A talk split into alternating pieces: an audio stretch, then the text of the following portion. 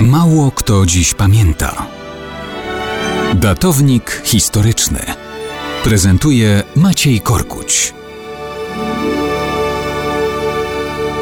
Kto dziś pamięta, że 6 kwietnia 1490 roku zakończył długie życie i długie panowanie król Węgier Maciej Korwin. Na tronie węgierskim zasiadał przez 32 lata, a mało brakowało, aby nawet wieku dorosłego sam nie dożył. Był bowiem synem węgierskiego magnata i dowódcy, zwycięzcy Turków spod Belgradu i regenta Węgier Janosza Huniadiego. Kiedy ojciec umierał, mały Maciej miał zaledwie 13 lat. Miał starszego brata Władysława. Ich obu skazał na śmierć król Władysław V Pogrobowiec z dynastii Habsburgów. Władysław został zamordowany rzeczywiście, ale Maciejowi jakoś się upiekło. Był trzymany w więzieniach na Węgrzech i w Czechach i doczekał śmierci prześladowcy, po czym sam został wybrany królem Węgier w 1458 roku. Ta odmiana losu zmieniła jego punkt widzenia. Z czasem zapragnął również innych koron czeskiej i cesarskiej.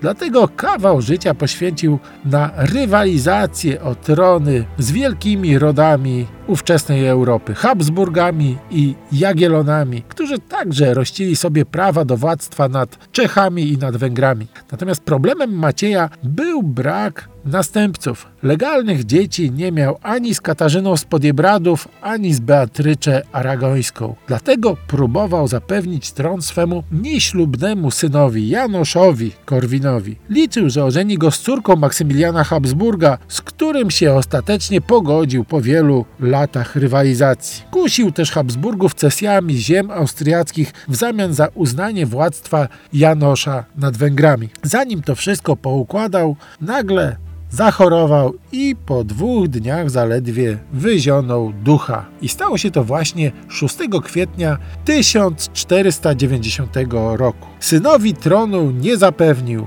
chociaż sam zapisał się jako wybitna postać historii Węgier.